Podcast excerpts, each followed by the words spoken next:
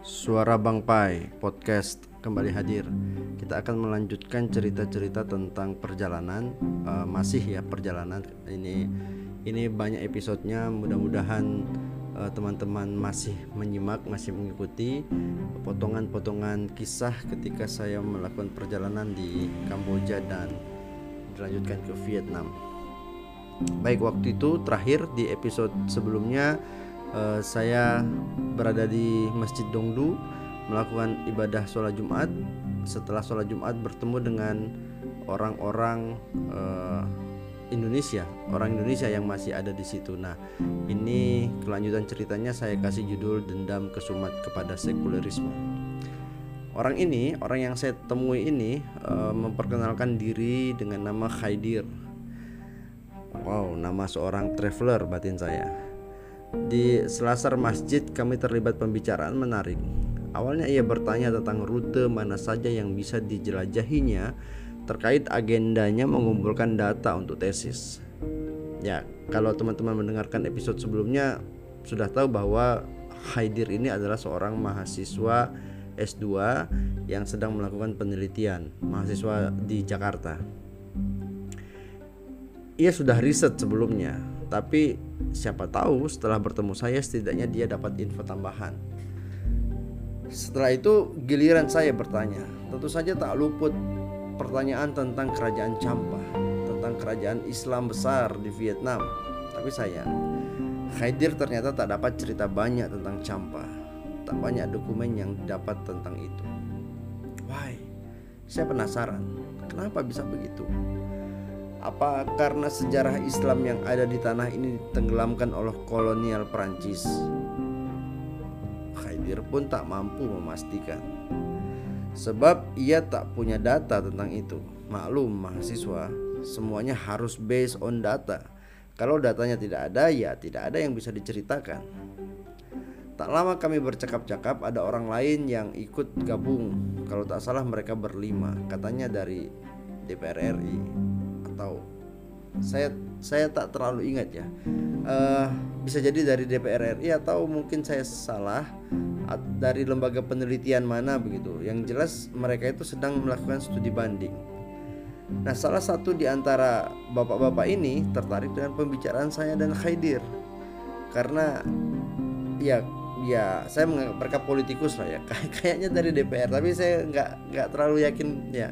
Mohon maaf ini. Intinya intinya uh, di antara lima bapak itu ada satu orang yang begitu tertarik berbicara politik gitu ya uh, ya sekalian saja saya arahkan pembicaraan itu ke soal politik khususnya politik Islam metodenya tentu saja saya bertanya kepada siapa? Ya kepada Haidir. Haid, karena karena gini dalam dalam uh, lingkaran selasar itu jadi saya Haidir ada lima bapak itu posisinya adalah saya sebagai uh, pewawancara Khaidir sebagai narasumber kira-kira begitu.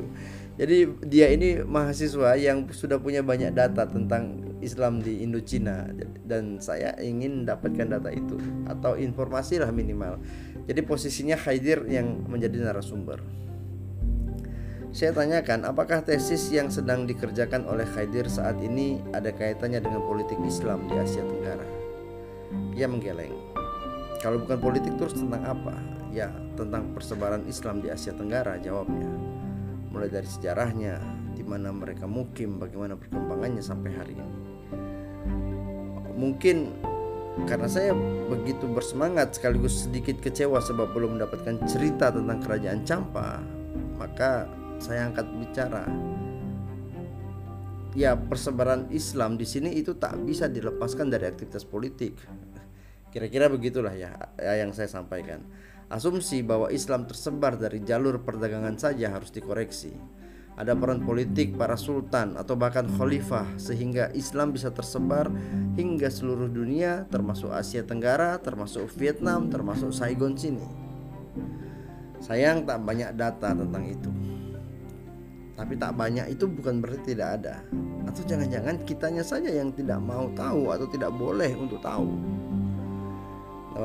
Bapak itu ikut nimbrung ya uh, cuma saya tak terlalu ingat dengan statementnya pada waktu itu yang yang pasti dia antusias.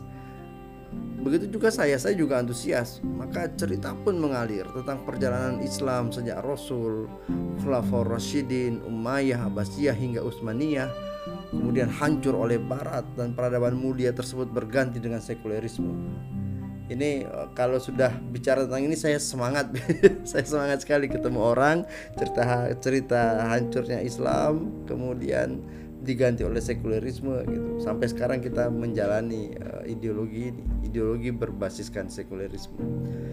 Saya setuju dengan Haidir bahwa kita tak bisa bicara banyak jika tak punya data. Tapi saya tetap menaruh kecurigaan yang kuat kenapa kita begitu sulitnya mengakses cerita sejarah Islam di Campah Ya salah satunya karena kolonialisme Perancis. Mereka datang tidak hanya karena kepentingan harta kekayaan, menjarah negeri orang, tetapi juga punya misi ideologis, menjauhkan Islam dari masyarakat. Luar biasa ya. Dan itu ideologis. Ideologis itu artinya tersistematis. Ini adalah ide yang punya uh, teori dan metode untuk mempraktekannya biarlah Islam berupa agama ritual semata. Itu itu target mereka seperti itu. Islam tidak bisa dihancurkan di muka bumi ini tapi jadikan Islam sebagai agama ritual saja. Kalau tata aturan kehidupan itu tidak boleh gunakan Islam.